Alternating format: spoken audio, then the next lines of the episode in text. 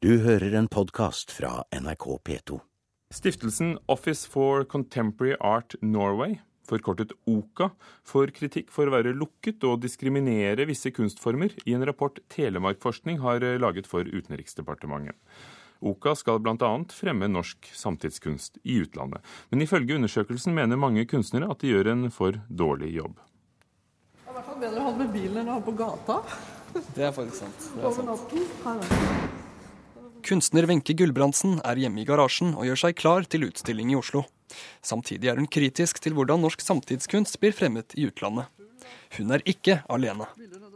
Det statlige organet som er ansvarlig for norsk samtidskunst utenlands, OCA, eller Office for Contemporary Arts, får kritikk i en rapport fra Telemarksforsking. Nå kritiserer én av tre spurte kunstnere måten disse pengene blir fordelt på. Gulbrandsen mener at problemet med OCA er at det er et lukket system. Eh, Men eh, dette lukkede systemet eh, som det nå er blitt til, det er ufruktbart. Fordi man, man vet ikke hvem som kan nå frem der, hvem det er som får besøk av kuratorer. Altså Alt skjer under teppet, og det er hysj-hysj. Og hvis man prøver å snakke, så er det som sagt ingen å snakke med. Rapporten fra Telemarksforsking tar altså for seg Utenriksdepartementets støtte av norsk kunst til utlandet. Kulturforsker Ola Berge var med å skrive rapporten, og bekrefter at mange av de spurte opplever OKA som en lukket organisasjon. Det går på at de mener at det er en manglende transparens i måten OKA håndterer ordningen på. Og så er det også noen som da mener at, den, eh, at det er et kunstsyn som, som i for stor grad har fått sette seg over tid, og at det er vanskelig for en viss type kunstner å nå fram. Berge forteller at de i rapporten foreslår administrative tiltak for å unngå at nettopp ett kunstnerisk syn setter seg. For å sikre i enda sterkere grad at ikke kunstsyn skal få satt seg eller bli veldig dominerende over tid, så, så bør det kanskje være en enda hyppigere utskifting. Og så sier vi også noe om at um, vi opplever at det kanskje kan bli enda større transparens da, i organisasjonen rundt å kommunisere med feltet sitt og eh, synliggjøre politikken bak beslutningene. Gavin Jantjes er styremedlem i OKA.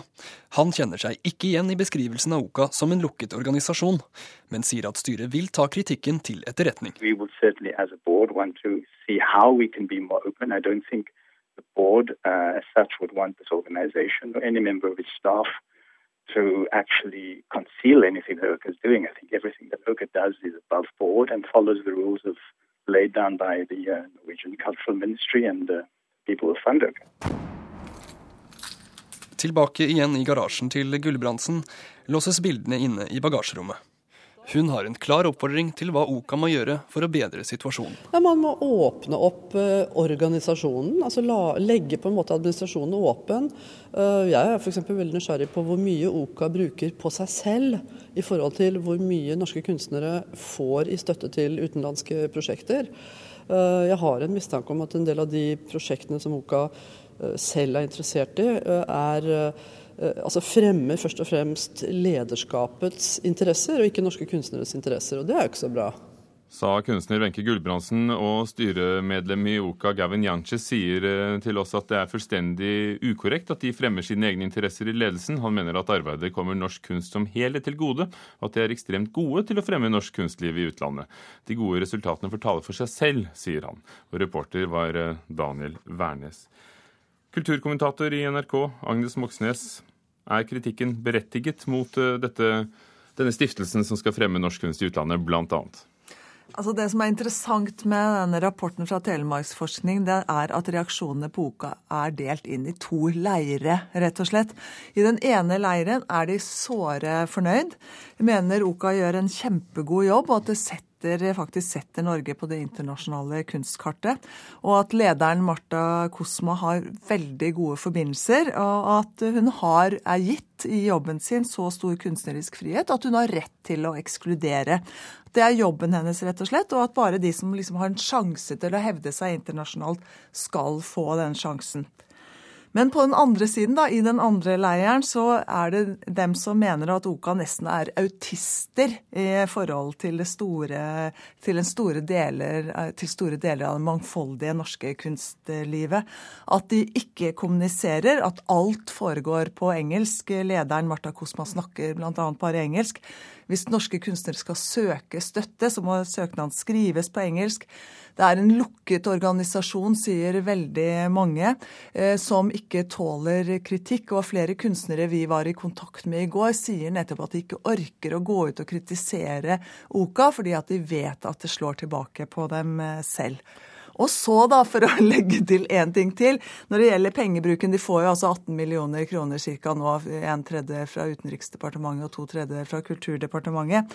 Så brukes en del av disse pengene på OKAs egne utstillinger og arrangementer i Oslo. Og det er det mange som mener at det er litt feil at de konkurrerer eh, med liksom, de bevilgningene som de egentlig da skal formidle til norske kunstnere. Ja, for det Spørsmålet er jo er de til for kunstneren eller kunsten. Men hvordan fremmer OKA norsk kunst i utlandet, da? Ja, Mange vil jo si at eh, OKA henvender seg til et nokså smalt felt innenfor det internasjonale kunstlivet. Eh, når en kar som Mathias Fallbakken nå blir en av svært få norske eh, kunstnere som, skal, som slipper til på dokumentet, altså den svært prestisjetunge utstillingen i Kassel, så oppleves det som en kraftig fjær i hatten for norsk kunstliv generelt, men OKA spesielt spesielt. Og, og, Oka har jo støttet folk som eh, har stor internasjonal suksess, som Bjarne Melgaard og Fallbakken og Gardar Eide Einarsson. Um, men hvis du da ser på to andre felt, som f.eks. litteraturfeltet og filmfeltet, så tenker de helt annerledes. Eh, det fins vel ikke en film, norsk filmregissør som ikke er blitt sendt rundt på mange internasjonale filmfestivaler, eller en norsk eh, forfatter som er, ikke er sendt til norske ambassader eller til film, eller litteraturfestivaler rundt omkring i verden. Gavin Janches i styret er en erfaren mann i kunst, norsk kunstliv, og han sa i reportasjen at eh, de har ikke noe mål å skjule noen ting, alt de gjør er åpent og følger reglene. Men hvis noen oppfatter organisasjonen som ugjennomtrengelig, handler det om menneskene eller systemet?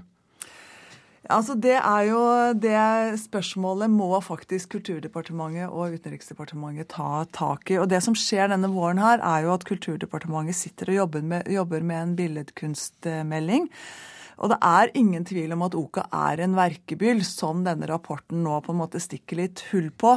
Eh, særlig UD tror jeg opplever den som det fordi at det er så mange kunstnere som føler seg forbigått, som tar kontakt med Utenriksdepartementet. Så denne rapporten, kombinert med billedkunstmeldingen, vil jeg tro åpner for en gjennomgang av organisasjonen OKA, både når det gjelder norsk kunst i utlandet, men også i synet på hva som kan sikre kvalitet, og hva kvalitet er.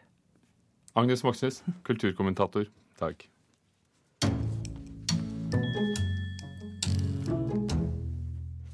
Språk kan isolere, og fremmedspråklige isoleres fra det norske samfunnet fordi de ikke får med seg viktig informasjon, hevder Norsk organisasjon for asylsøkere. Flere kommuner gir ikke innvandrere informasjon på deres eget morsmål fordi de ikke tar seg råd til det. Fredrikstad नगरपालिका का फूल हथियारों के Fredrikstad court Flytter du til Fredrikstad, kan du få viktig informasjon på hindi, fordi kommunen har Amayot Kaur til å oversette. Men det skorter på andre språk. Flere kommuner her i landet oversetter ikke viktig informasjon fordi de ikke har råd. Slik er det også i Fredrikstad kommune, sier kommunikasjonssjef Ingrid Trømborg. Hovedutfordringen eh, handler om kompetanse. Eh, det å ha gode oversettere som kan gjøre den jobben for oss. Eh, og så handler det selvfølgelig om ressurser. For det koster også penger. Latteren sitter løst når familier fra hele verden møtes til lek i åpen barnehage. Men informasjon om hvor man finner slike møteplasser, er ofte ikke oversatt til flere språk. For tobarnsmor Nicole Orsin fra Tyskland ble det et vanskelig møte med et nytt land. Det var ikke så lett. Um, fordi jeg ikke snakket et eneste ord da jeg kom hit. Og så ja, lurte jeg på hvordan skal jeg begynne her? Hvordan starter man? Det tar tid å lære seg norsk, så mer oversatt informasjon ville gjort det enklere for familien, mener hun. Å gjøre sånn informasjon om f.eks. språkskole eller åpen barnehage, uh, gjøre det tilgjengelig på ditt eget språk, altså på mitt morsmål, det hadde vært uh, veldig bra. Problemet er godt kjent for rådgiver Jon Ole Martinsen i Norsk organisasjon for asylsøkere, som mener at mange blir isolert fordi de ikke får informasjon nok. Desto lengre tid man blir eh, passivisert og blir sittende inne, desto lengre tid tar før man, og vanskeligere er det for de å komme ut i samfunnet. Å oversette dokumenter er ingen lovpålagt oppgave, og derfor dropper mange kommuner den ekstra utgiften.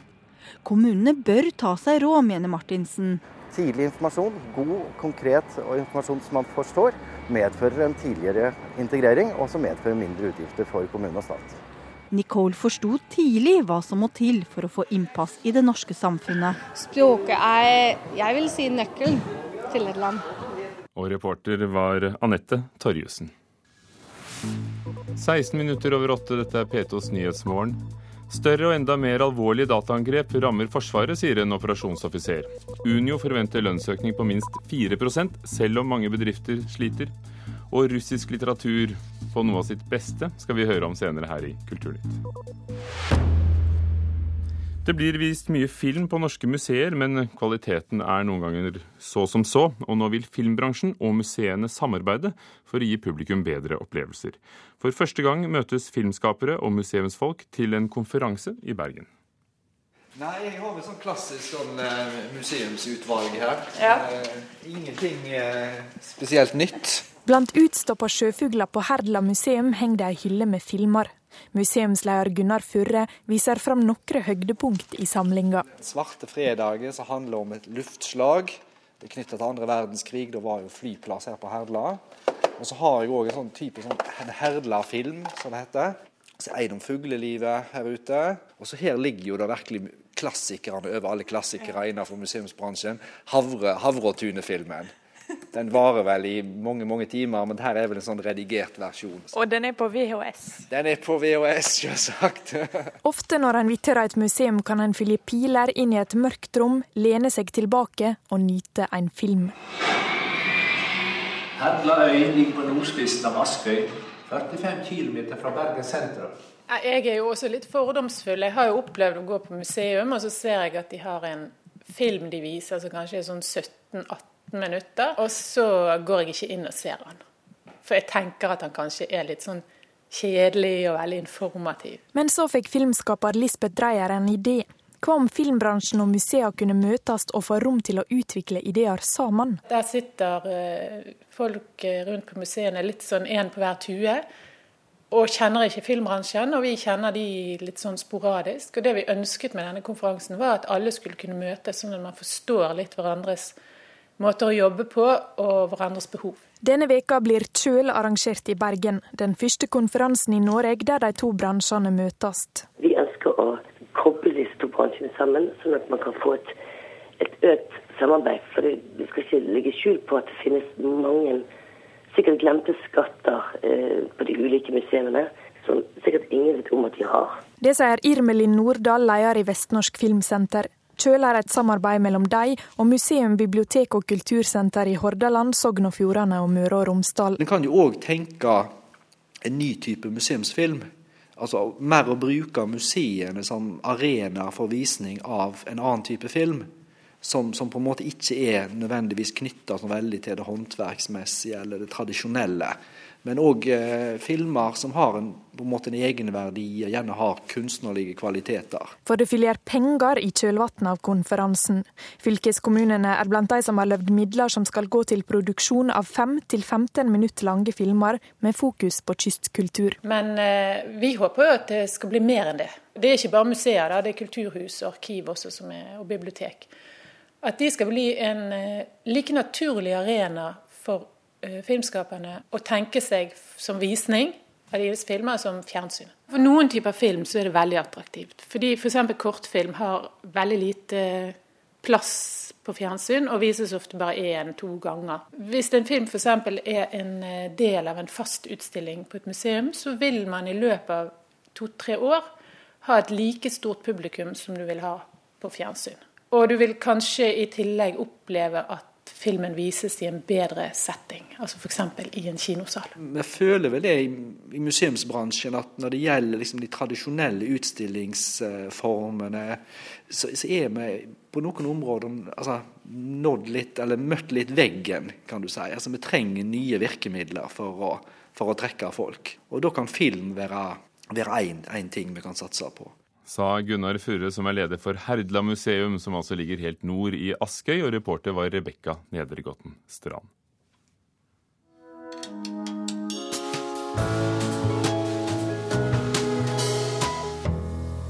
Mikhail Sjisjkin er en av de store russiske samtidsforfatterne, og da romanen 'Venushår' kom på norsk i 2010, kalte vår kritiker boken for overdådig, fascinerende og karakteriserte den som 500 sider ren lesefryd. Brevromanen er den andre boken av Sjisjkin på norsk, og anmelder Marta Norheim gikk til verket med de største forventninger. Når du leser ei bok som virkelig gjør inntrykk, ja, så vil du at forfatterne skal skrive nesten samme boka neste gang også. Det gjør ikke Sjisjkin langt ifra. Der Venus hår var overdådig og storslått, og flytta seg fra perserkrigene i antikken til gårsdagens russiske avhoppere fra krigen i Tsjetsjenia i løpet av ei setning, der er brevboken knytt til ei tid der Venushår forsynte seg raust av myter og regler og sitat fra tenkelige og utenkelige verk, der er brevboken lagt i pennen på to brevskrivere. Den ene er et totalteater, den andre er en brevroman. Det tok litt tid å komme over akkurat det, men altså en brevroman denne gangen.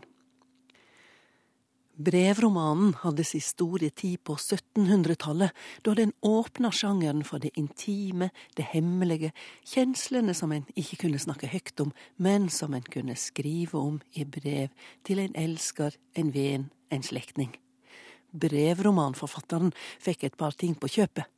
En illusjon om at dette kunne være virkelig og sant, og en motor som drog historia framover, siden den ene svarer på det den andre skriver. Sjisjkin gjør flere ting med den gamle sjangeren. Det mest radikale er at han har slått av sjølve den episke motoren. Brevskriverne leser ikke hverandres brev. Det har seg slik. Volodja må i krigen. Sasha sitt heime og venter. Men breva de skriver, kjem ikke fram. I stedet får vi to parallelle monologer, sett på spissen når Sasha, etter år og dag, skriver. Det viktigste har jeg ennå ikke fortalt deg. Jeg skal ha barn. Der skrev jeg de ordene. Jeg skal ha barn. Svaret fra Volodja åpner slik. Sasjenka min. Det ble så varmt og godt her da jeg fikk skrevet navnet ditt på den første linjen. Sasjenka. Hvordan har du det der du er? Hva holder du på med? Jeg tenker på deg hele tiden, og det gjør meg så glad å vite at du også er med meg hele tiden i dine tanker. Kontakten mellom de elskende er bråten, og breva blir en serie monologer. Krigen er meningsløs og skitten, kjærleiken har påfallende fellestrekk med krigføring, men både krigen og kjærleiken er uunngåelig, og stadig nye generasjoner blir kasta ut i begge deler. I breva til Sasha og Volodja går forfatteren inn i store spørsmål i et lite format, og teksten tvinger leseren i kritisk dialog. Etter endt lesing må jeg konkludere at ja, brevboken er en verdig oppfølger til Venushår, men sistnevnte er fremdeles den beste moderne russiske romanen jeg vet om. Og den er altså skrevet av Mikhail Sjisjkin, og det var vår kritiker Marta Norheim som hadde lest brevboken, oversatt til norsk av Marit Bjerkeng. Du har hørt en podkast fra NRK P2.